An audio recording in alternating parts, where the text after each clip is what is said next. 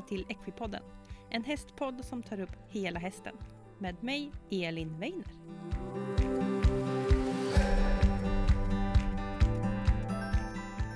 Hej alla Equipodden-lyssnare och välkomna tillbaka till ett helt nytt avsnitt av Equipodden.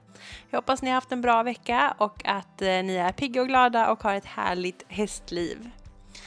I den här veckans avsnitt så är det fokus dressyr när jag intervjuar Elin Aspnäs, en otroligt duktig ryttare, väldigt omtyckt tränare och vi pratar dressyr.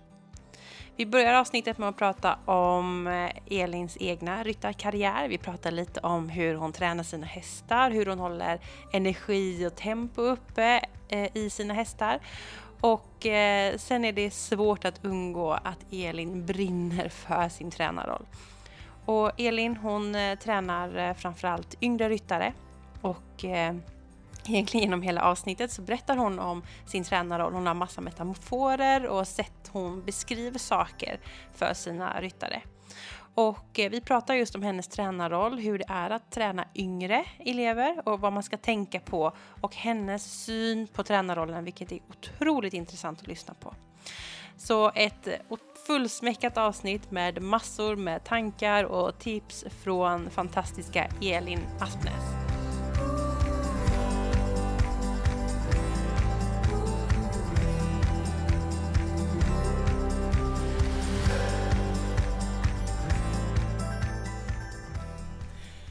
Då vill jag hälsa välkommen Elin Aspnäs. Hej! Hej! Och du har tagit dig till Göteborg Jajamän. i regn och rusk. Så blev det. Ja, det var inte det bästa vädret ni bjöd på. Men det, det går bra. Vi är ju inomhus nu. Så. Ja, precis. Och eh, fantastiskt, jättekul att kunna vara tillsammans och spela in. Och Elin, du är ju dressyrryttare själv. eh, Precis. Jätteduktig. Och eh, även tränare och eh, utbildar många unga ryttare framförallt. Och eh, vi ska spela podd idag. Det är din Ja. poddebut. Nej, har du varit med på Jag har varit med i någon podd innan Ja. men det, det är inte min största erfarenhet. det blir spännande. Ja, Ska vi se vad vi får till. ja Och som sagt jättekul att kunna sitta mitt emot varandra. verkligen. Kul att vara här. Mm. Eh, jag tänkte du kunde börja med att berätta lite om dig själv, vem du är. Ja. Inbiten hästtjej såklart, eh, som många som lyssnar också tänker jag. Ehm, jag är född och uppvuxen i Åhus där jag ehm, nu har min egen gård som jag köpte för fem år sedan lite drygt. Där jag bedriver en tränings och tävlingsanläggning för hästar och ryttare. Ehm, jag har tävlat väldigt aktivt som ungdom och egentligen ridit i landslaget sedan jag var 12 år gammal. Och därför tycker jag det är väldigt roligt med de här ungdomarna också och kunna ge tillbaka det som jag lärde mig på den resan. Ehm, Jag rider idag Grand Prix själv på några egenutbildade hästar och ja, det har varit ett stort mål att kunna göra hela spannet även om man har fått göra lite mindre av vissa saker på vägen. Ehm, På gården bedriver vi även ett bed and breakfast för turister och eh, även de som kommer och tränar och kunder som tittar på hästar och sånt kan bo där. Ehm, Ja, jag gillar att ha många bollar i luften och mycket projekt och eh, hoppas jag inspirerar och lär ut till andra så att de Ja, kommer. Följer man dig på sociala medier får man verkligen se allt. Ja men det försöker vara lite blandat. Det är nog inte bara halvhalter och eh, Nej. galoppfattningar och Nej. sånt utan vi försöker vara lite den skitiga vardagen och lite inspirationsord och tävlingar och ja, Ja. livet i stort. Och bed and breakfast får man se också ibland. Ja, det får man också, också baka lite bröd och Precis. bädda sängar och så. Ja, Så lite av varje sysslar vi med. perfekt. Och eh, sen är ju klart hästarna ett jättestort och viktigt intresse såklart. Såklart. Det är kärnan i det hela och det är väl mycket för att kunna hålla på med det så, och bedriva en verksamhet så, så behöver man lite fler ben att eh, stå på för det kan ju vara lite osäkert vissa bitar ibland just för att kunna leva på det. Så att det har varit ett stort mål att kunna göra och eh, det tar sin tid att bygga upp det. Ja, precis. Hästar är ju inte, är inte så billigt. Nej, det är ju inte det. De, Och det har varit en väldigt händelserik helg för dig, för du har varit i Flyinge och sen så upp nu då och tittat på ponnytävlingar. Ja precis, det var blandat. Det var, det var goda resultat på båda ställena men det, var, kändes lite glammigare nere på eh, Flyinge eh, igår än vad det kändes i ösregn och storm på en utebana i, idag. Men eh, det är roligt och det är liksom den bredden som är så kul. I, ehm, jag hade en treåring som, som jag inte visade själv som jag som gick på eh, min egen uppfödning, så det är lite avel vid sidan om också. Eh, så den gick på eh, Flyinge. Och sen har jag haft en elev som red femårsklassen. Och det är en tjej som jag har tränat sedan hon red på ponny. Och ehm, det var väldigt, vi blev alla överraskade, men hon vann femårsfinalen igår på fina 89 procent. Så det var väldigt roligt. Kul för hela teamet. Och idag då så var det ju Elitallsvenskan som hade sin tredje omgång uppe här i Göteborgsområdet. Så det var därför jag var i krokarna. Ja. Um, så, eh, trots regn och rusk. Det var inga schyssta förutsättningar idag men det är väl lika för alla som man säger. Så att, eh, men det blev vinst och eh, mm. klara för lag-SM. Så att, eh, Spännande. Det är också det vi sysslar med. Ja, så är det ladda om nu ja. för ryttarna. Men så det har också startade egna klubben där då egentligen förra året. Just för att det är ju en väldigt ensam sport egentligen. Och både för en själv men också för de här ungdomarna som det är mycket, man får försaka mycket socialt i skolan och när de andra ska hem och umgås då ska man själv till stallet och, och få träffa andra och känna samhörighet med dem som satsar på det här på samma vis. Så blev eh, föreningen liksom en del i i det tänket och hitta gemenskapen och stötta och peppa varandra och känna lite. Vad fint, vad härligt. Ja. Så att det, då ska man hinna med det också. Ja. Jag tänkte på det, jag tittade resultaten när jag körde hem, så var mina, några av mina kollegor de var och red Grand Prix Kyr på Flyinge istället och jag valde Elitallsvenskan i regnet. Men. Eh, det, det föll väl ut, så det var ju bra. Ja, man har olika prioriteringar. Ja, så är det. Och Ja men det är precis som du säger, det är så spritt i hästvärlden. Att det kan vara så himla glammigt och fint och putsat och, och eh, blingar. Ja idag syntes det inget bling i alla fall. Det var under all grus och eh, skit tror jag. Ja precis, det bara leda i vägen. Mm. Men eh, idag så ska vi prata dels om din egen ryttarkarriär och vi ska också prata om din tränarroll. För att eh, redan hör man ju här att det brinner du ju verkligen för. Så det ja, det är kul. Men vi börjar lite om din egen karriär. Så du kan väl berätta lite om eh, dina hästar hemma och lite ditt upplägg när det kommer till ridning. Ja. Um, ja, nu då är jag ju min egen så då klart att man rider mycket på, lite mer på egen hand än vad man var när man var ungdomsryttare. Men jag, ja, har jag, 13 egna hästar och på Oj. gården får det plats drygt 20 hästar. Så det är mestadels mina egna um, hästar och där står även lite hästar till försäljning. Um, en del ponnyer och ungdomshästar för det blir mycket den målgruppen som uh, vänder sig till mig när de ska köpa eller sälja eller så. Mm. Lite unghästar då som en del uppfödning jag håller på med själv och sen ja, lite köp och sälj med annat. Så det är, lite, lite det är väldigt blandade åldrar från föl till uh, Grand Prix-hästen som är 15. Mm. Så att allt är emellan så att säga. Så att um, de tränas ju dagligen och det är mycket som ska hinnas med med, med det. Så att, eh, men, ja. Det funkar? Det, ja, det funkar. Man skulle behövt lite fler timmar på, eh, på dygnet. Men, eh, men jag har bra folk runt mig så de stöttar och hjälper. Så det var. Ja, den som knäcker den koden med fler timmar på ett dygn. Nej, det hade varit eh, väldigt bra. Jag la ut någonting igår. Det var det bästa med att vara sin egen chef. Det var att man kunde välja vilka 16 timmar av dygnet ja, man arbetade. Exakt. Så det var ändå, ändå flexibelt och bra tänkte jag. Det, Ja precis, jämfört med när man jobbar åtta timmar. Eller hur? Vissa, vissa Exakt, så jag kan ändå bestämma själv. Så det är bra. ja, det är fantastiskt.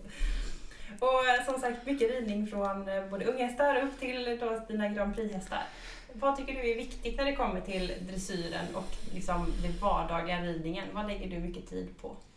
Det är ju det, det tråkiga gamla svaret att man ska lägga mycket tid på de där grunderna. Eh, alltså väldigt mycket grund, övergångar. Väldigt mycket, jag tycker det är väldigt viktigt att jobba med sitsen och positionen. Och det är också väldigt noga med, med eleverna och även när barnen kommer tidigt. Att eh, vi utgår från liksom mycket oss själva och eh, hur vi påverkar och inverkar. Um, så det skulle jag vilja säga är det, det viktigaste. Um, Så det är klart att det är olika beroende på hästens eh, ålder och utbildning. Men jag känner även, man kommer på sig själv när man sitter på de där mer utbildade hästarna att det är samma saker som inte funkar som på de yngre hästarna. Det är bara att man lätt glömmer bort det på de äldre ibland för där tar man till några tricks i, istället och gör en piaff istället för att rida rakt i skritt. Liksom. Så att mycket basic och mycket grunder, tråkiga svar. Men eh, det är väldigt mycket rakriktning och rida upp mot spegeln och kunna, alltså kunna kontrollera varje del för sig. Um, sen har jag då min tränare Kerstin André. Hon kommer till mig eh, regelbundet så att jag kan rida, träna lite fler hästar och man hinner ha en dialog om hästarna. Och man är ju rätt ensam i det annars så dagligen. Um, och försöka därav man skapar den där gemenskapen och gruppkänslan liksom i, i teamet för att just kunna dela med sig och ta lärdom av varandra och titta på varandra och mycket sånt. Så det, då är vi, när Kerstin kommer, så är vi också några ryttare som kommer till mig för att träna för Kerstin och då blir det liksom lite det, man kan titta på varandra i det och se att alla har eh, samma problem egentligen. Alltså man, tyck, man tycker man såg någon vinna en Grand Prix förra helgen men den satt också och tränade skritt galoppövergångar på en volt när man sen sågs. Så att eh, det är väl egentligen att allt leder tillbaka dit. Jag brukar säga det är liksom de tre, de tre första sakerna man ska lära sig kontrollera de hänger liksom med en hela tiden. Mm. Så att man får gå tillbaka till dem och kolla av dem mm. lite och vilka tre ofta. saker är det? Ja, jag skulle säga att det är mycket kontakten, mm. eh, takten och rakriktningen där så att man ska kunna kontrollera det mest banala egentligen. Men det är ju så jäkla svårt för även när man kommer den där piaffen sen så var den inte rak. Och då blev det inte lika bra som man hade tänkt sig och så fick man gå tillbaka till det där eh, igen. Och det är det jag försöker med eleverna med. Liksom att så här, ett, två, tre och så klarar du inte, när du går till trean så får du inte tappa ettan för då får du gå tillbaka dit igen. Och, ja. Um, ja. Ja, det är mycket att tänka på. Ja. Dels är det ju svårt för en själv och sen är det ju såklart ännu svårare när man har en häst också som ska röra sig under den. Så. Precis, jag brukar säga det jag brukar jämföra det mycket med att um, det är som att hitta, alltså ibland när man har okunniga föräldrar och sånt som står och lyssnar och lite så att det är lite som att hitta dragläget på bilen när man kör ja. manuell bil. Och den kan man ju lära sig och den beter sig oftast sen likadant varje gång, i alla fall samma bil. Och hästen den är ju svårare där för den är ju inte programmerad på det viset. Utan även om man gör likadant varje gång så får man olika reaktion ibland. Ja, och sen ska man då lära sig hitta dragläget i många olika bilar eller på många olika hästar. Och man hamnar, när man undervisar mycket så är det väldigt många som man rider lite för fort och lite på tempo. Och mm. det är lite som, och när man tar tillbaka så tycker man åh, så saktar hästen av. Eller, mm. och jag kan inte släppa skyan, jag måste fortsätta driva för annars saktar den av. Jag brukar säga det är lite som att, när man cyklar och man har stödhjul på cykeln när man är liten och sen tar man av dem och då känns det lite vingligt men man, man kan inte fortsätta ha stödhjul för alltid. Eller, hitta där, våga liksom gå ner till nästan skritt och kunna trava. Så det låter enkelt men är jättesvårt. Det är lite som att starta ettan i, i uppförsbacke. Det är liksom lättare att bara ha tvåan i och nedförsbacke och samma växel i rondellen. Och liksom, det är svårare när man ska ner i ettan helt enkelt. Så det är mycket ettan vi jobbar i ibland när vi undervisar också.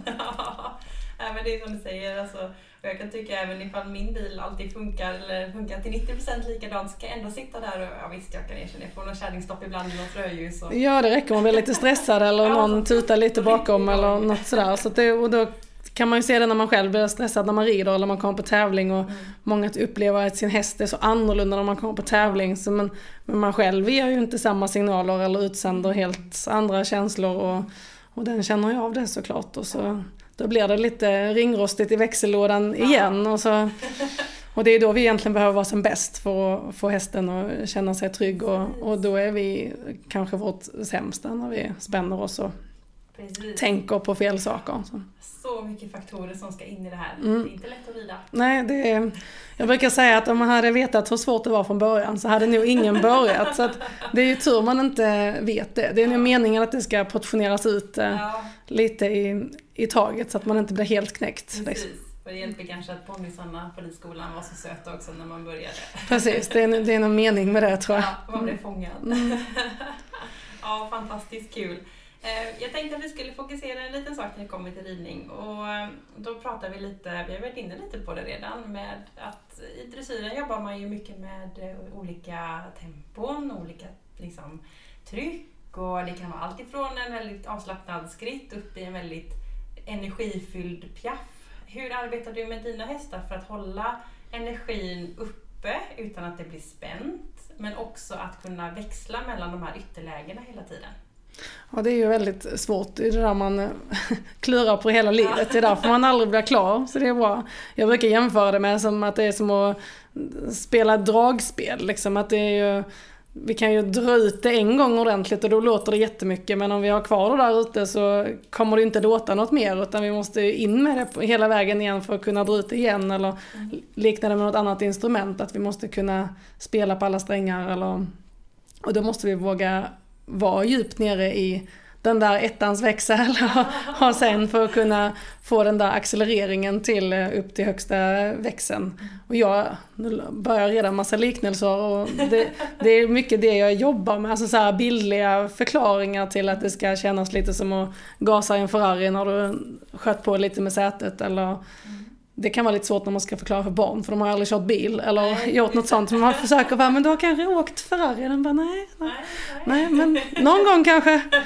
Men eh, nej, det är väl mycket, jag har, eh, alltså som ungdomsryttare och liksom upp när man rider kanske upp till Sankt Io och inte med ett så för min egen del så gick det lite fort. Och det är nog man rider lite för högt tempo och man tycker det är lite, man har inte riktigt förstått vad samlingen är så man vågar inte riktigt komma tillbaka till den för då tror man att hästen ska sluta gå fram eller något annat. Så det är väl tillbaka till att man garderar sig lite med att rida på lite. Um, så det är väl det som jag, även om man rider högsta klasserna idag så utvecklas man i det där hela tiden att verkligen förstå vad samling är och att hästen måste kunna bära sig själv och gå på lätta hjälper och det är en utmaning varje dag. Jag vet jag var hos bodde hos Kyra i England och jag hade ridit Grand Prix i tre år och så, så förklarade hon någonting där och så sa jag Alltså tänk Kyra att jag har ridit Grand Prix i tre år och först nu förstår jag vad samling är.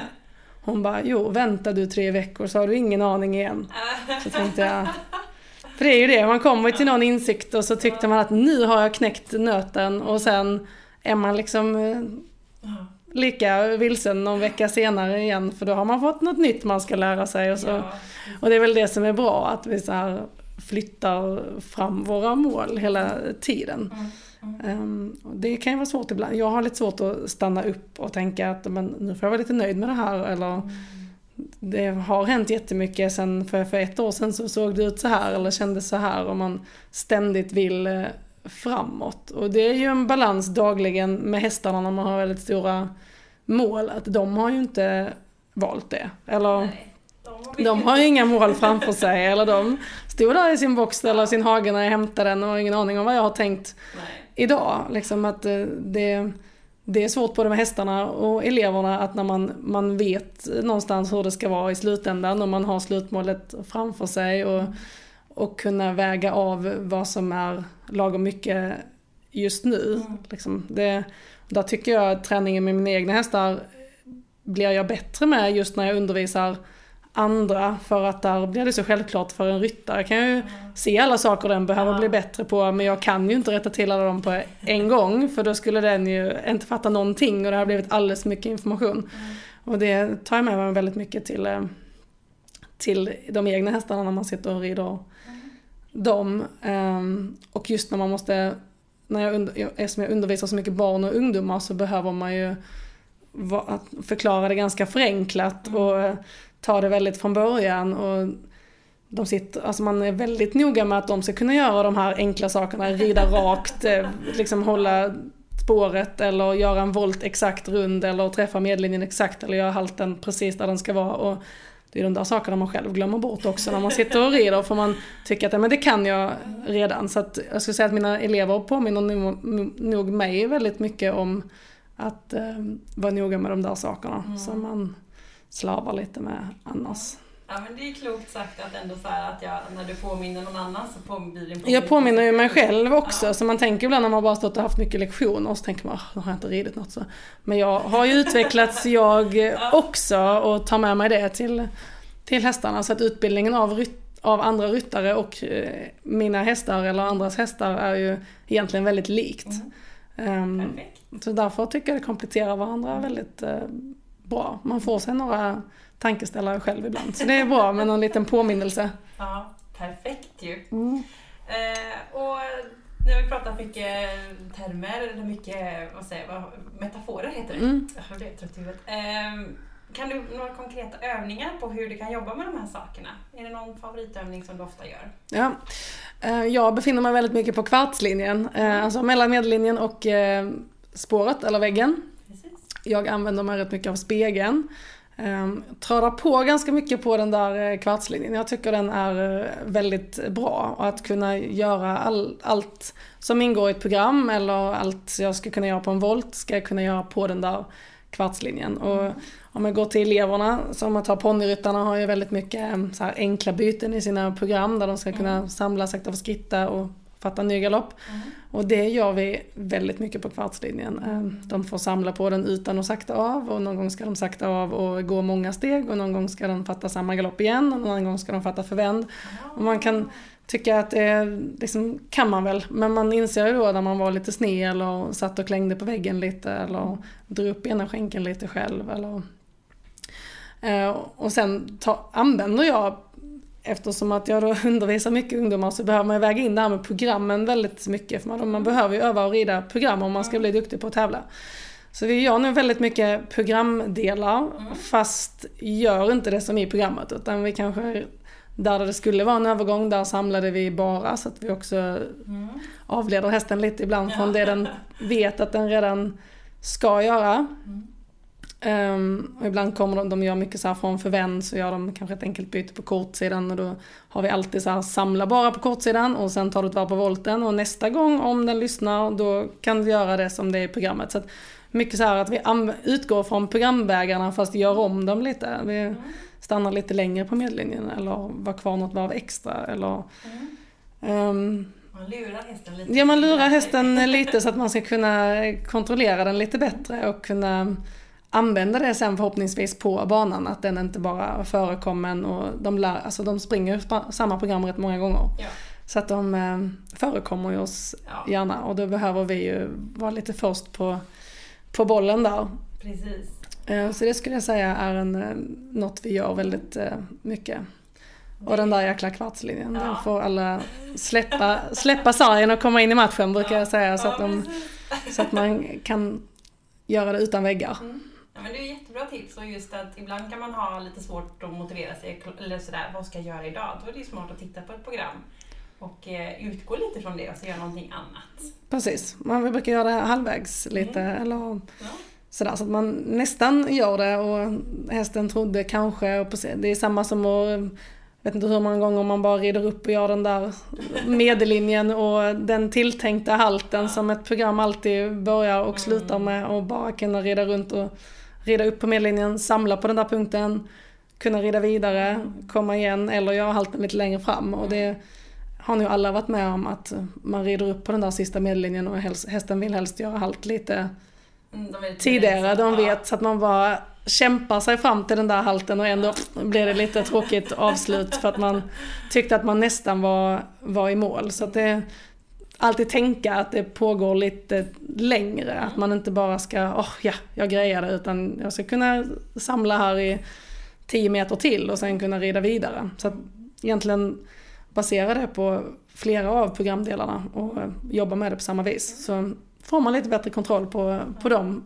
förhoppningsvis på tävling också. Ja, smart! Hade verkligen en häst som lärde sig programmet, det var jättejobbigt. Ja, det är väldigt... Eh, Inför galopp och sådär, det, är, oh, det Och det sätter sig lite psykiskt på en själv också, att ja, man liksom, åh oh, nej nu kommer den bromsa där igen och så, åh oh, gud nej, nej jag visste den skulle sakta av och så, det gjorde den också. Ja. Och så, så det är mycket psykiskt på oss också, mm. att vi måste ställa in oss på att nu ska jag galoppera förbi den här punkten och jag ska inte Precis. sakta av än. Utan nu, och det är samma på andra hållet, att man så här bara göra liksom övergångar, skritt och trav och tänka att nu tar jag tillbaka så ska jag nästan sakta av och precis när hästen tror att jag saktar av då sätter jag igång igen och på så sätt får man den lite kvickare på hjälpen också. Att den inte, har man en som blir lite långsam kanske då kanske man inte ens riktigt går ner till skrittet utan man tänker ett halvt steg skritt och så är igång igen. Och har man en som blir lite ivrig då tar man några fler skrittsteg istället. Så att man, det var en liten tråkig jämförelse men det var någon som sa att ridning handlar till 90% om att göra tvärt emot vad hästen själv vill och det låter ganska negativt.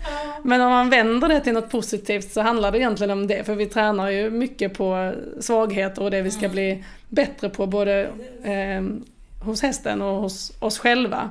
Mm. Och kunna vända det till någon form av positiv övning och inte att vi motarbetar varandra. Det kan låta som att vi gör tvärt emot hela tiden men det är ju mycket att, att träna på. Det den själv vill göra måste vi göra lite tvärtom. Blir någon lite för kort i nosen så måste vi rida den lite längre i halsen. Och någon som blir väldigt lång får vi kanske rida lite för kort för att hitta...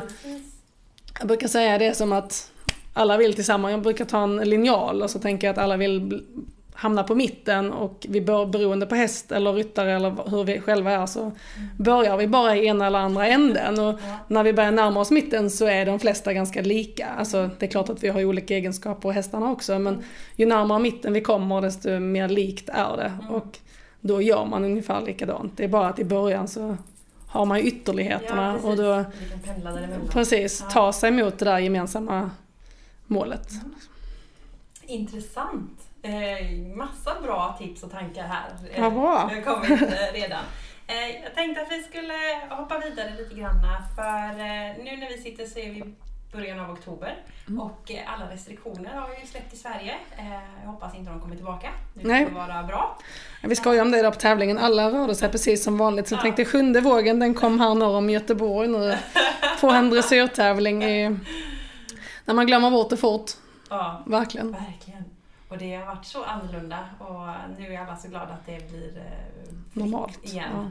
Ja. Eh, men då är en rolig sak det är att vi får tävla och alla får tävla. Eh, förut har det varit lite begränsat vem som får komma ut och tävla. Mm. Så då tänkte jag att vi kan prata lite om tävling. Ja. Och jag tänkte att vi skulle fokusera lite på inför tävling. Mm. så då kan väl du berätta lite om hur du brukar göra när du laddar upp inför tävling just med dina hästar?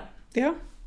Ehm, de är, de är lite olika såklart, så man har lite, beroende på häst, lite olika upplägg. Mm. Ehm, men det är väl egentligen att försöka att inte göra för stor grej av det och förändra så mycket. Det blir ofta så här att åh, nu ska jag tävla, så nu tränar jag extra mycket den här veckan. Fast det kanske jag skulle ha gjort liksom fyra veckor mm. tidigare så att jag bara kan sista veckan lita lite på det jag kan och eh, mer bara gå igenom det och checka av det, det som jag redan vet funkar. Kanske inte lägga till massa extra grejer eh, senaste tiden där in på och det ser man väldigt mycket hos oerfarna elever och sånt där också. Det är som, då plötsligt skulle man boka in fyra lektioner den mm. veckan. Man bara, har fast då tränat en de andra veckorna. Vi kanske skulle vänt på det liksom, så att vi inte har slutkörd häst när det väl är dags. Liksom. Så att, det är väl egentligen att och det hänger ihop lite med att ha ett väldigt bra system och koncept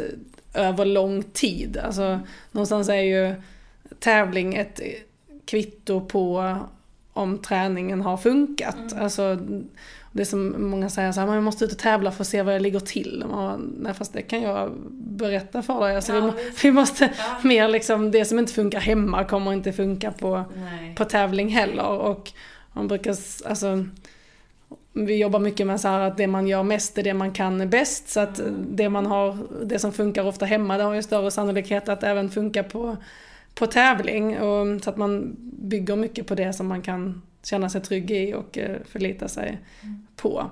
Sen liksom både med mina egna hästar och eleverna så är det väldigt systematiskt. Alltså, vi värmer alltid upp på ett visst sätt. Alltså det är liksom nästan som en checklista de skulle kunna checka av för att man ska kunna, blir man lite nervös eller någonting stör runt omkring, att man liksom har sina ritualer att hålla sig mm.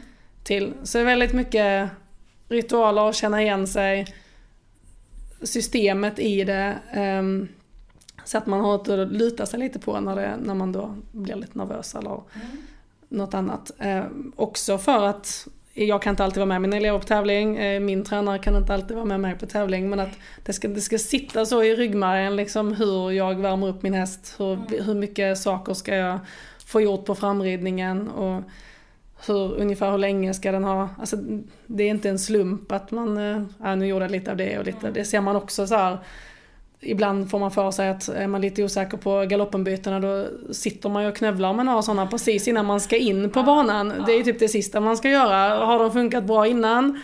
När man värmde upp så ska man inte göra de där sista som man kände inte funkar och så är det det man tar med sig in på banan. Utan vara lite trygg i det man kan och eh, liksom hänga kvar lite vid det. Och om man går till liksom uppladdning inför tävling så är det ju mycket, alltså, systemet igen, alltså man har en tidsplan, man har liksom skrivit ner vad det är man ska göra, kanske vissa har den i huvudet men jag tycker det är väldigt bra att man, man skriver ner den. Vad, hur ser min tidsplan ut? Vem ska göra vad?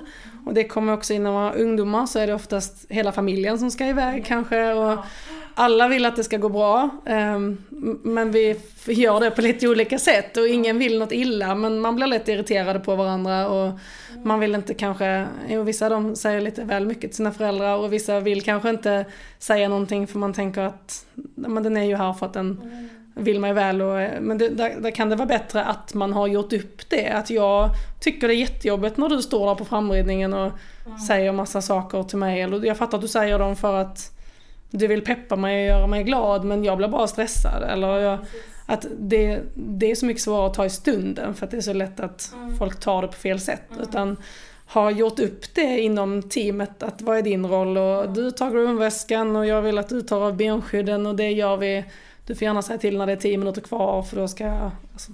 Mm. Sen med mina elever och så, så har jag ju, i och med att jag står på framredningen så håller jag ju tidsplaneringen lite just vad vi ska göra och.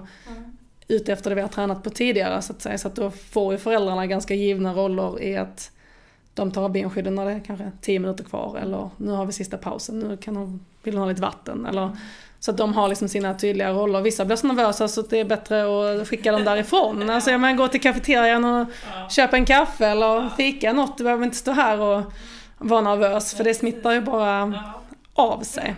Så mycket att eh, beroende på hur stort litet team man har, att alla har sin uppgift både inför tävling och sen på själva tävlingsdagen. Och så att alla sköter sitt även om man jobbar mot samma alla har ju samma mål med ja. dagen, att det ska Precis. funka på bästa sätt. Ja, man har ju alltid en önskan att det ska gå så bra som möjligt. Eller hur? Men det finns många vägar dit. Det väldigt, väldigt många vägar dit och det, är väl, det tråkigaste är väl när man ser när det är väldigt mycket man är osams och folk skriker på varandra och det känns väl, alltså det blir ju inte alls eh, trevligt och den stackars häst eller ponny däremellan som, som fick skiten liksom. Eller, Så att um, det, jag tror det, och det är väldigt noga med själv och eh, tar mina elever väldigt hårt om de skulle bete sig illa eller inte vara snäll mot sin ponny eller häst eller vara otrevlig mot sina föräldrar. Eller mm. Jag tycker att man, eller man, jag fattar att man blir besviken när det går dåligt men man, man sköter sig, mm. man får vara ledsen men man går iväg och är det någonstans och sen får man rycka upp sig och sen alla är där av samma anledning och mm. alla vet att det är svårt och träna mer, det får man kom, göra när man kommer hem sen och så får man Precis bita ihop liksom. Så att eh, bete sig är väldigt bra. Och det brukar också funka väldigt, det är ju lättare om man liksom har en struktur att gå efter. Så då kan man inte, det kan vara lite tufft, man har inte lika mycket att skylla på. Mm. Man kan inte skylla på att mamma stod på fel ställe eller för att hon gjorde inte det. Och så, Nej, så att eh, ta bort alla sådana där onödiga mm. orosmoment. Och tidsplanen är ju bra också för det kan ju stressa många. Att, eh, tidsnöd och lite ja. så. Och det kan vara lika jobbigt att ha för mycket tid. Alltså ja. det där att vandra runt och inte veta vad ja. man ska göra och vara på tävlingen tre timmar innan till ingen nytta och man hoppar upp för tidigt och så. Ja, ja. Står där. ja nu har jag 18 minuter kvar. Precis. Kvar. Nej, så att det är mycket sådär eh, att ha, det tar ju ett tag och bara det här att veta hur länge man ska rida fram är ju jag boll, liksom funderar ut sånt fortfarande med mina tävlingshästar. Och med någon har man till och med kommit på att men jag är klar på 22 minuter. Har jag klockat mig själv någon gång. Från det att jag tog tyglarna till det att jag var redo att rida. Varför ska jag då rida i 45 minuter när jag är på tävling och sen kom in på banan och tyckte den hade lite mjölksyra. Det var ju jätteonödigt. Det kan jag ju reda ut på hemmaplan Ja. liksom, och ha gjort den eh, strukturen och planeringen Mm. tidigare. Det är bra. Intressant. Och om man tänker just, nu har jag varit inne på det lite grann, men hästarnas förberedelse inför tävling, eh, vad behöver man tänka på då? Det är samma igen, för att hålla det så vanligt som möjligt. Jag brukar så här, kan de samma tävlingsdagen br- brukar de eh, gå ut i sin hage på, på morgonen. Funkar det att de gör det så får de gärna göra det. Alltså, och sen får de komma in och man badar dem och gör dem i ordning. Och där hittar man lite vad som passar. Vissa blir väldigt stressade när man börjar göra dem i ordning. Och då kanske det är bättre att göra dem i ordning lite tidigare. Och sen får de gå in i sin box och äta och stå en stund innan man ska åka iväg. Och, och rent förberedelser, det är ju att allt ska vara snyggt och rent och fixat. Och jag brukar säga hel och ren kan man alltid vara. Det brukar inte vara ett problem idag tycker jag. Dagens ungdom de verkar väldigt eh, medvetna Ja. om eh, just eh, hur det ska se ut och vad man har för utrustning. Och, så det brukar sällan vara ett problem. Där har ju hänt väldigt mycket. Alltså, tittar man tillbaka några år så kändes det mer olika där. Eh, nu känns det väldigt fåfängt. Så det är ju snyggt och prydligt eh, också. Även om det kanske inte allt ligger i utrustningen. Det finns ju Nej. två sidor Ja. av det där. Nej, men det är väl kul att det är lite snyggt också. Det- Ja, verkligen. det- det Jag tittar bara tillbaka, alltså man tycker, man är inte så gammal själv, men när, när jag red ponny, alltså det var liksom så här, man hade någon liten, de här klämmorna till håret där det, håret hängde i en liten påse och man hade sitt hårnät och Ja, det existerar ju liksom inte, man känner att man är från stenåldern när man ja, visar någon bild på det Ja. eller berättar för sina elever liksom, de rider runt där med sina Swarovski-bling i håret Ja. och donuts hit och donuts. Ja. Och man känner att man själv liksom är 70 år ungefär, men det är ju inte riktigt eh, än. Inte? Nej, Jag kommer ihåg när jag köpte mitt första blingpannband och det var liksom så här: wow, det var Ja. jättedyrt och jag hade ett. Ja, nej. ju Ja, 20. nej, det har blivit väldigt, eh, skiftat väldigt. Sen Mm. kan fokuset som sagt kanske bli lite fel ibland. Det kanske är bättre med någon eh, lektion till för sin tränare än eh, schabrak i varje kulör. Eh, Precis. så att man kan ju, det kan vara prioriteringar ibland. Kan man göra båda så säger jag väl ingenting men annars får man nog eh, prioritera kanske. Ja, ja, men precis. Där får ju alla göra ett Ja. val. Då tänkte jag att vi skulle gå vidare.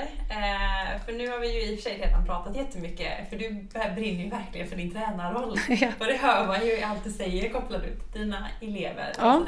Så nu tar vi, tar vi det helt Ja. enkelt. Och eh, då tänker jag första frågan. Kan du berätta lite om hur du ser på din roll som tränare? Vad har tränaren för roll när det kommer till ett ekipage?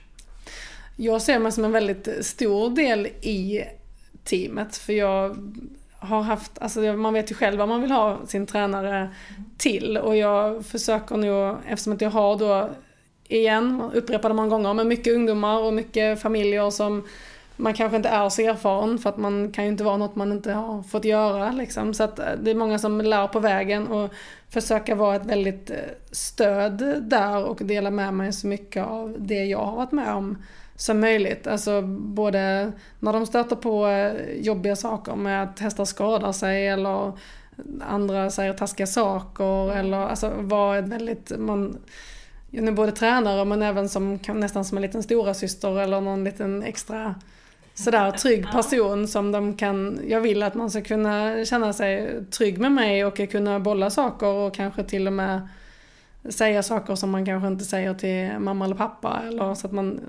finnas lite som en, en spelare liksom, mm, i deras relationer också för att få alla att fungera på, på bästa sätt. Mm. Liksom. Det ser jag som en väldigt viktig del. Sen eh, eftersom jag har tagit mig an och gör det här med barnen och ungdomarna så ser jag det som en väldigt viktig del. Och man börjar se, det är jättekul att kunna följa liksom även de som inte tränar idag eller som har vandrat vidare för, för länge sedan. Men liksom kul att se att men de började sin resa hos oss. Eller sådär att man kan känna att man ger många en, en bra start. Mm. ehm, Mm. som de har med sig förhoppningsvis resten av livet och Ja. kan ge vidare det till de tränar ju också andra i sin tur och att liksom konceptet eh, lever eh, Mm. vidare. Sen är jag ju väldigt, alltså jag tror mig vara väldigt eh, engagerad i mina elever. Därför hinner jag inte ha hur många som helst. Ehm, det är ett ganska litet team ändå men de kan man säga, tränar väldigt mycket och det är väldigt eh, liksom, omfattande samarbete egentligen. Alltifrån att vi ska ha en häst till eller den vi har nu ska säljas eller vi ska behöva en ny sadel eller vi, alltså det gör jag också, provar ut sadlar och mm. gör hela, det har, det har liksom blivit att det har ändå blivit min uppgift så då kan jag lika gärna kunna det ännu bättre och faktiskt kunna hjälpa till på, ja. på riktigt. Så det är liksom jag ser mig nog som att jag vill ha hela konceptet och hela paketet och att man ska kunna få hjälp med allting. Sen är det svårt att räcka till ibland kanske. Ja. Eh, för att man nästan försöker ha ett upplägg med varje elev nästan som man har med varje av sina egna hästar. Mm. Alltså att det liksom blir väldigt individanpassat till just vad de har för behov och hur deras situation ser ut. Och. Så det är väl det som, eh, igen, det därför klarar man inte ha så många om man ska göra det. Jag brukar säga att jag vill inte ta på mig fler än vad jag kan göra riktigt bra. Sen kan man aldrig styra vad, vad resultaten blir i slutändan. Man vill känna att det, det fanns tid eh, och resurser till att och, um, det, det, har inte alltid att göra med vilken nivå man är på utan jag säga bara liksom målen stämmer överens lite med förutsättningarna man skapar mm. sig. Alltså vill jag nå ett väldigt högt uppsatt mål, men då krävs det en, en mm. viss del grejer som inte krävs kanske om du har ett lägre mål och så länge det överensstämmer så, så det är schyssta förutsättningar och en balans i det så är jag med och stöttar och det är egentligen det som är min roll då att också gå in och ställa krav eller säga att det här, det här matchar inte eller vi kan inte, vill ni rida EM så kan vi inte träna en gång varannan vecka eller då kanske inte den här hästen räcker till eller hur gör vi då? Och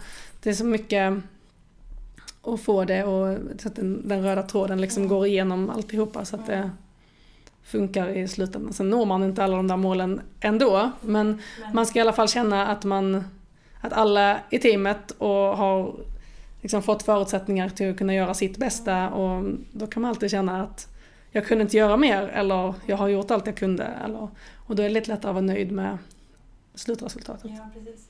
Och det där tror jag är ganska viktigt just när man är ungdom också. Att man behöver nog ganska mycket hjälp och skönt att få hjälp av en person. För man har ju hört ibland själv när man står så säger terapeuten säger ja men du måste göra det här. Ja, och så säger tränaren nej men det där tror jag inte riktigt på. Och så säger hovslagaren nej men det där vill jag inte göra, det där var ju dumt. Och då blir det också svårt. Nej det är väldigt eh, svårt och vi försöker få det till att eh, att teamet blir mer att man jobbar mm. tillsammans mm. så att det inte blir så splittrat. Och det är ännu viktigare tycker jag när man jobbar med yngre människor och barn. Eh, både i träningar, träningen och termer och allt sånt. Men det är också det är lite svårare att sortera bland informationen för att man har ja. inte så mycket annat att relatera mm. till. Och det är ju väldigt vanligt i träningen, typ såhär, men min andra tränare säger tvärtom. Så bara, mm. ja det tror jag kanske inte riktigt. Men den, mm. det kan vara att man uttrycker sig på olika sätt och därför blir det rörigt och kör ihop sig liksom i huvudet på eleven för att det kändes som, mm. helt som svart och vitt och natt och dag. Liksom. Ja, Um, och så är det ju såklart med hovslagaren säger en sak och ekoterapeuten säger en sak. Mm. Och mycket det här att vi måste försöka samarbeta istället. Så att mm. jag tror alla vill ju samma sak i, i slutändan. Och att det inte blir liksom att man nästan ska som tränare bevisa att det är jag som har rätt och hovslagaren har fel. Utan mm. det är liksom, då måste vi prata med varandra mm. istället. Och det är klart att det är enklare för mig då om de i mitt team och mina elever använder sig lite av de jag litar på och de jag har förtroende för. För det blir lite enklare att jobba tillsammans. Mm, såklart. Och att hitta samma vägar framåt. Precis, och det är liksom det som jag brukar säga att man behöver inte tro på min väg eller det finns de som är mycket bättre på många punkter än vad jag är. Men jag kan bara hjälpa till med det jag kan. Mm. Eller det jag tror på eller det konceptet jag mm. har. Tror man inte på det, då behöver man alltså då ska man inte vara, jag är alltid öppen för en dialog och man anpassar det och man kan mm.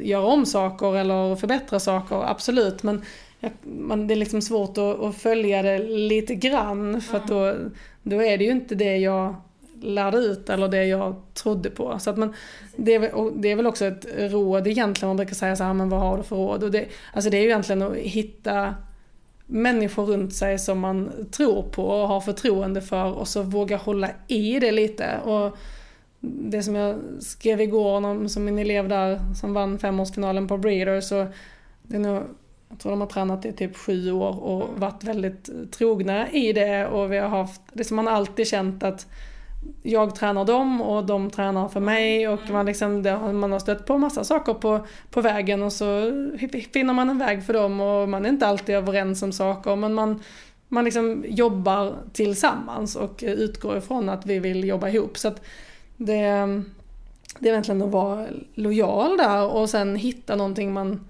man tror på och sen måste man våga hålla vid det lite. Alltså det går upp och det går ner och det finns ingen som kan trolla liksom. Och sen ska vi inte heller hålla vid någonting som inte funkar bra eller som, det är ju inte heller rätt. Men liksom ändå hitta ett koncept lite som man, mm. som man vågar tro på för det handlar ju mycket om att man ska våga tro på det. Ja, precis. Och hänga i lite, man behöver vara lite envis i det där.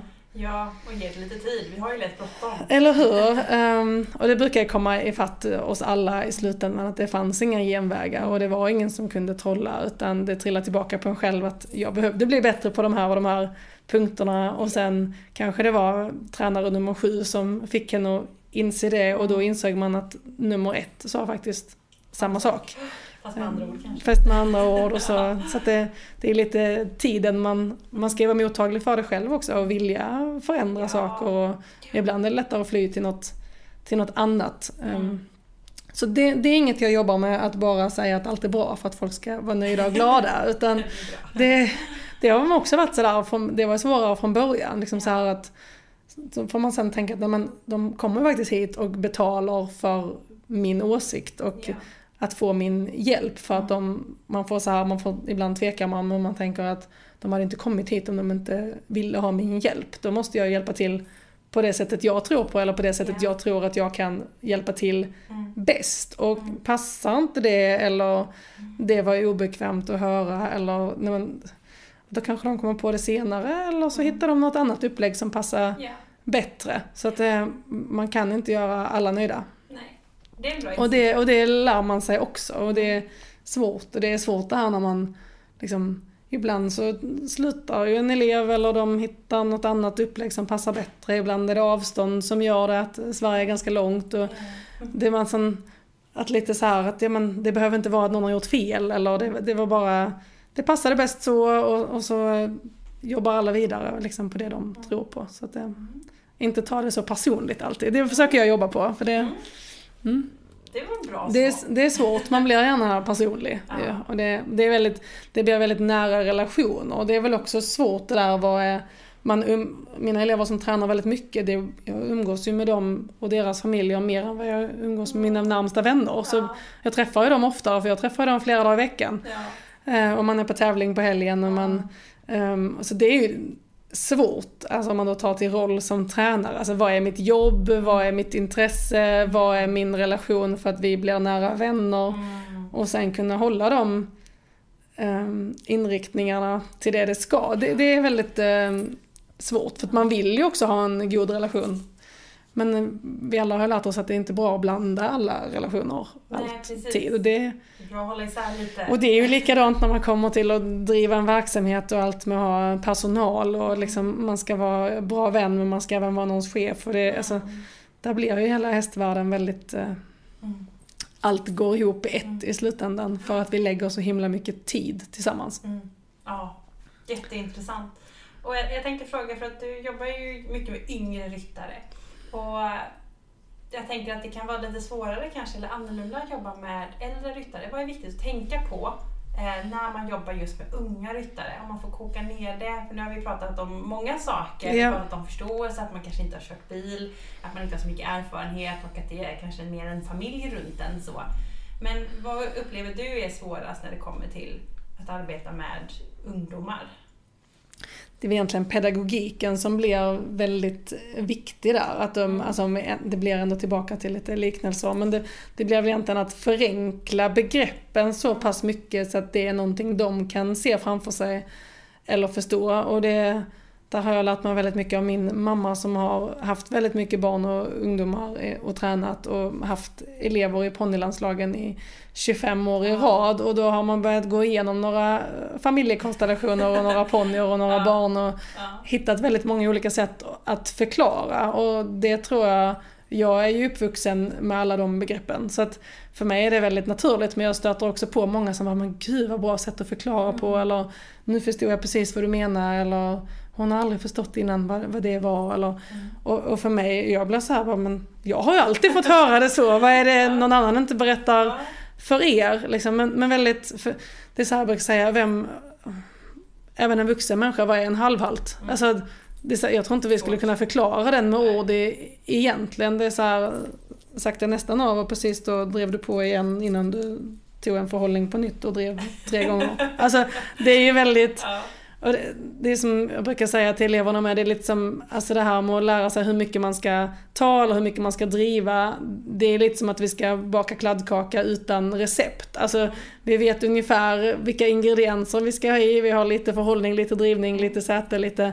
Men ingen kan förklara hur mycket. Alltså jag kan inte säga driv två kilo förhåll två hekto eller lägg till två gram på yttertyg. Alltså det finns ju inga mått. Um, och då brukar jag ta över det till just med måtten. Alltså om det finns några saker vi kan mäta så kan det ju vara liksom till barnen då till exempel, fast man kan ha det till vuxna också. Men är båda dina tyglar lika långa? Mm. Alltså, vi brukar ha mycket att man har de här plopparna på mm. tyglarna. Så att man säger, men jag håller andra ploppen på båda tyglarna. Så här, för det kommer på sig själv att man plötsligt hade ena tygen lite längre. Och, ja, Eh, och så brukar man säga, men kan du titta, se din väg, liksom titta genom hästens öron. Det är också något vi alla gör, att vi så här lägger huvudet lite på sned eller vrider huvudet i ena varvet. Och så, ju mer vi tittar inåt desto mer glider yttersidan ut. Och, och så mycket, allt som går att mäta. Kan jag titta ner på mina händer och ser de likadana ut? Eller har jag den ena längre fram än den andra? Eller har jag båda mina armbågar på samma position? Alltså, så mycket som möjligt som faktiskt går att mäta, det försöker vi liksom ha koll på. Och då får också barnen någonting, de är ju... Varför jag tycker det är så roligt med barn och ungdomar, det är att de är ju så påverkbara och de mm. lär sig så fort. De har liksom inga invanda latheter Nej. eller grejer. Utan det, och de vill ju bara lära. De har inte heller, det är väldigt få som har så här, nej men det går inte för att. Mm. Alltså de har inte de här så här om och men utan de är bara mm. törstiga på kunskap och vill. Och så har de oftast väldigt stora mål och ambitioner och tröttnar ju aldrig. Liksom. Så att, det är klart att det är en balans. Nu har, jag, har det blivit väldigt många väldigt unga eh, barn. Um, alltså att de kanske rider på elitnivå när de är alltså elitnivå, men nationellt och SM och mm. är i topp där när de är 10-11 år gamla. Och det har jag inte haft tidigare. Vi börjar ju med dem redan när de är, um, vi har ridläger eller träningshelger eller ja. Um, och då är de ifrån liksom sju år och uppåt oh. egentligen när de kommer med sin egen ponny och man tar hand om den när man har sin träningstid. Och också där till att de umgås och badar och leker. Och, oh. Alltså att få den här seriösa träningen så tidigt men ändå att det är liksom hopp och lek efteråt. Och där har vi också sagt att när de hoppar av hästen så är de ju som vilken 7, 8, 9, 10-åring mm. som helst. Där man liksom vill longera varandra mm. på ridbanan och bygga upp hinder och hoppa med käpphästen. Och, alltså de är ju, och sen sitter man där och nöter programdelar och de svåraste ponnyprogrammen liksom nästa timme. Men att få det har varit svårt och man har också haft lite synpunkter på det där att ah, är det rimligt att elitsatsa när man är tio år och jag vill säga men elitsatsa, alltså jag kan bara se till mig själv, jag ville inget hellre än att tävla och jag ville bara träna till mig var man, så jag känner igen mig i barnen, de som är väldigt viljestarka och har stora mål. Så det är nog därför jag tar mig an dem och tycker det är roligt för att jag ser mig, mig själv i dem lite. Och jag vet folk sa till mamma också när jag, jag var nio och skulle rida mitt första SM och då fick man ha, man behövde ha dispens för att man var tvungen att vara tio för att mm. rida SM. Och det var också folk som bara ah, stackar hon tvingar henne till att rida när hon bara är nio och så bara så här, de, mina föräldrar försökte bromsa så gott det gick liksom men jag, jag såg ju inget annat, det var ju bara det jag skulle. Så det, det är en sån dialog man har med barnens föräldrar också att men någonstans måste vi ställa krav på dem. Det är väldigt mycket tid och resurser som familjen lägger ner ja. och kanske avstår väldigt mycket andra saker i form av resor och saker som folk utan häst gör. Mm.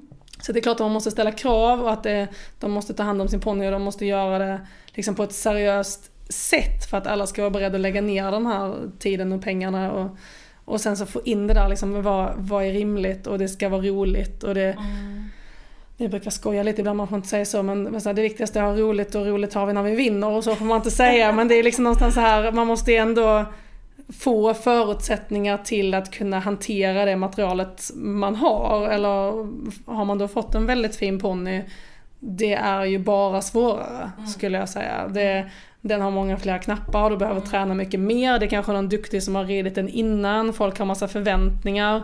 Mm. Och det är väl det man kan bli tröttast på liksom. Man hör de där föräldrarna på tävling som önskar jag också kunde, vet jag um, när jag var ponnyryttare så då var ponnyderbyt väldigt stort och jag mm. var kanske 14 år gammal, 15 så stod jag framme vid den där resultattavlan som det var, eller var till och med sådana här brickor. Nu låter jag jättegammal igen.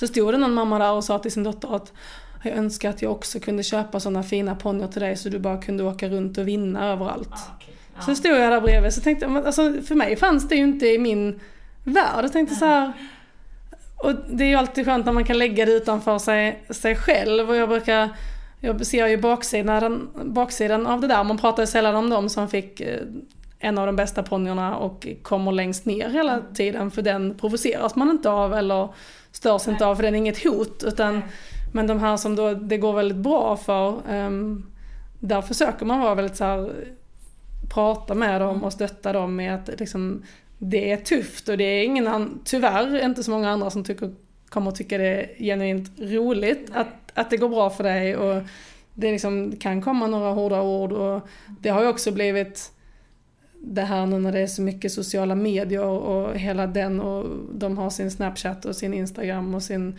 TikTok och sin, om man bara de kör sina live där och man, alltså det blir så mycket som man inte var utsatt för själv. Jag vet när jag var ponnyryttare så var det mammorna som hade bloggar. Mm. Och där skrev de ju en massa eh, skit. Liksom. Men det blev det behövde du ändå söka dig till informationen och det blev väldigt yeah. små forum. Precis, här blir det så...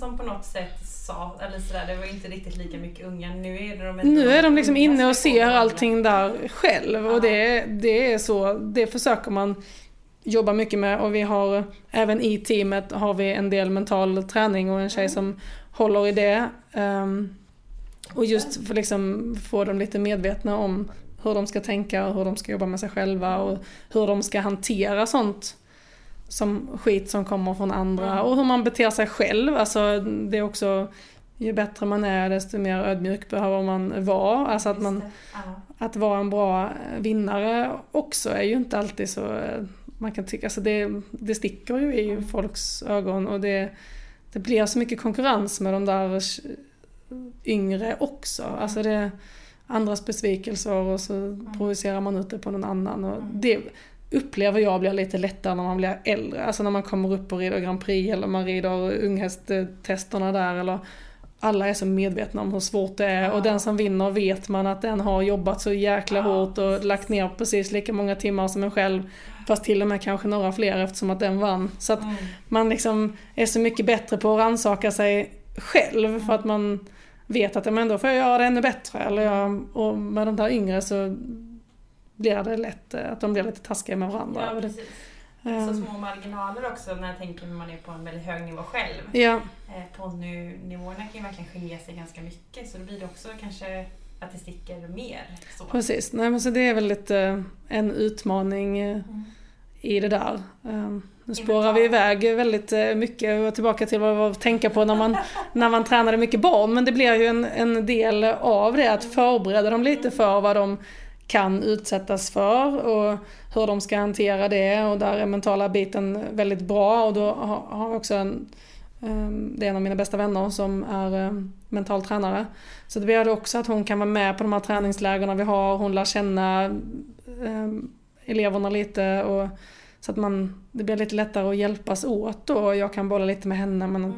den här blir väldigt nervös när den mm. kommer på tävling eller hon verkar ha haft det lite tufft med det eller han har varit med om det eller han upplever det så eller mm. och så kan hon, så blir det inte vi jobbar liksom, det är i teamet fast det blir ändå hon som kan gå in och ta det, då behöver inte jag ha alla relationer.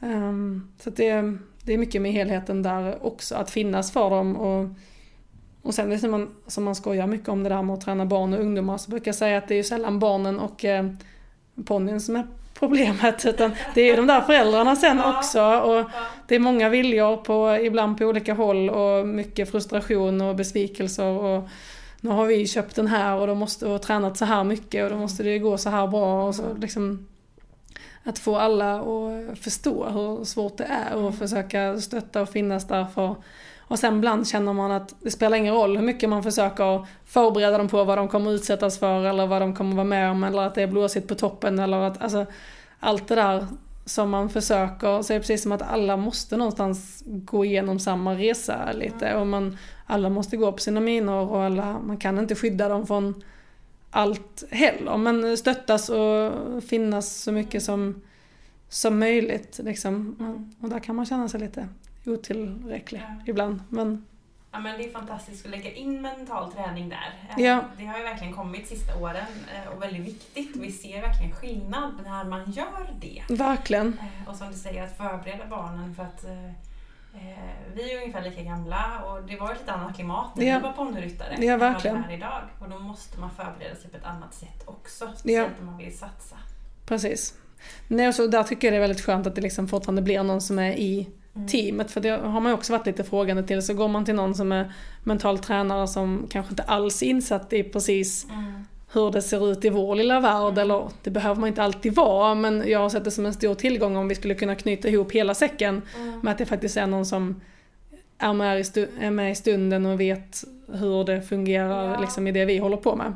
Kan vara med lite i situationen Ja. när det uppstår. Och det är väldigt Så. eh, bra, man kan återkoppla snabbare. Och man, så det är något vi försöker bygga vidare på och ehm, göra lite mer samarbete Mm. kring. För det Spännande. Får vi se i framtiden. får vi se i framtiden hur det blir. Eh, Jag tänkte att eh, du ska få två sista frågor, för nu eh, har vi pratat en stund. Ja, Eh, Och det sista det är att om du får möta en ung ryttare och du ska ge tre tips till den, vilka tre tips är det? oj. Det är så svårt med sådana här frågor. Det är liksom måste ha sådana här självklara svar. Mm. Men det är ju att eh, vara envis som satan och aldrig ge upp. Liksom. Det där, eh, talang är ju bra till en början men sen är det drivet och den där envisheten som tar en absolut längst och hela vägen om man vill det. Ehm, Det är väl att titta på andra som är eh, duktiga och bättre än en själv och försöka lära av dem och inspireras och försöka se det som är sina konkurrenter som faktiskt inspiratörer och eh, ta efter det de gör bra. Sen behöver man inte, det handlar om att skaffa sig sin egen lilla verktygslåda lite men man kan ju ta efter det man vill ta efter. Mm. Och sen egentligen eh, knyta an till, om man vill nå väldigt långt, att knyta sig an till någon som man tycker har de bitarna som man behöver för att uppnå de målen man vill. Nu pratar vi på väldigt, alltså tävlingsinriktad på lite nivå, men att man faktiskt sk- skapar sig en god relation med den tränaren man behöver väldigt mycket hjälp av och så att man kan bygga det här teamet tillsammans för att man Mm. behöver varandra liksom, och våga hålla i det och tro på det. Mm. Jättebra svar. Eh, då ska du få den sista frågan. Och eh, då tänkte jag faktiskt fråga, om du får välja någonting i stallet som du känner att det här kan jag inte vara utan, eh, förutom hästen då såklart, för den måste vi ju ha. Finns det någonting som du känner, det här måste jag ha, som du tipsar om? Så konstigt svar. Då säger jag sockerbitar. Jag är lite... De finns alltid där. De finns i ridhuset och de finns vid uppbindningsplatsen. Och, ehm, det, liksom, det finns ju inte en häst som inte blir eh, glad när man skramlar med en liten sockerburk. Så att, eh, den, den brukar jag ha. Jag använder det väldigt mycket när, alltså de där som är lite svåra att typ stå, få stå stilla när man hoppar upp. Eller sådär så får de en, står de och väntar på sin sockerbit. Eller de får den som belöning efter. Eller, om man, Kommer det, snart kommer det. Snart kommer det. Så det, det är nästan sådär någon, man hoppar upp och så slänger den bak huvudet för den vet att nu ska jag få min, få min sockerbit. Mm. Mm. Ja, det är det. Sockret till hästen och till mig själv skulle nu vara kaffet eller Celsiusen. Det är faktiskt också väldigt nära till hands. Det är lite likt socker i Det är lite så att vi, vi kör samma mutor så att vi ehm, håller oss pigga och glada. Ja, men det låter fantastiskt. Ja, wow Elin, vilket jäkla avsnitt. Vad massa bra tips Det kändes som vi flöt iväg där en stund men det, det brukar man göra. Så att, ja, ehm, vi kommer ju tillbaka. vi kom tillbaka. Ja, visst. Och tyckte man det här var intressant och vill eh, se mer av dig eller följa dig, hur gör man då? Då får man gärna följa mig på eh, Instagram, Elin Aspnas.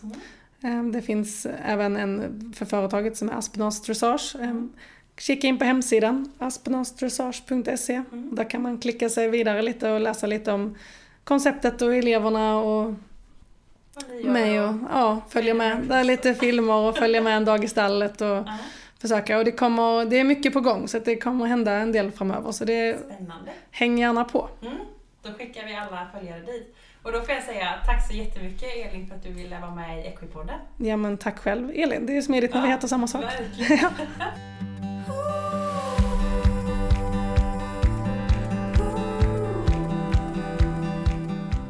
Alltså vilket inspirerande avsnitt. Man eh, kan ju inte mer än förundras över Elins energi och glädje och hennes engagemang när hon pratar om sina träningar och sina ungdomar. Det är så häftigt att höra och lyssna på och jag blir själv så otroligt inspirerad när man får möta sådana fantastiska människor som Elin Aspnäs. Missa inte att följa henne på sociala medier. Jättemycket roliga grejer hon lägger upp som är lärorika och kul att följa. Så kika in på hennes Instagram och även hennes hemsida om man befinner sig nära Åhus. Och där vill jag också passa på att tipsa om att följa Equipodden på sociala medier för eh, där kan ni vara med och påverka vilka gäster som ska vara med och vilka frågor jag ska ställa. Så missa inte det. Och eh, med det så får jag önska er en fantastisk vecka så hörs vi snart igen. Hej då!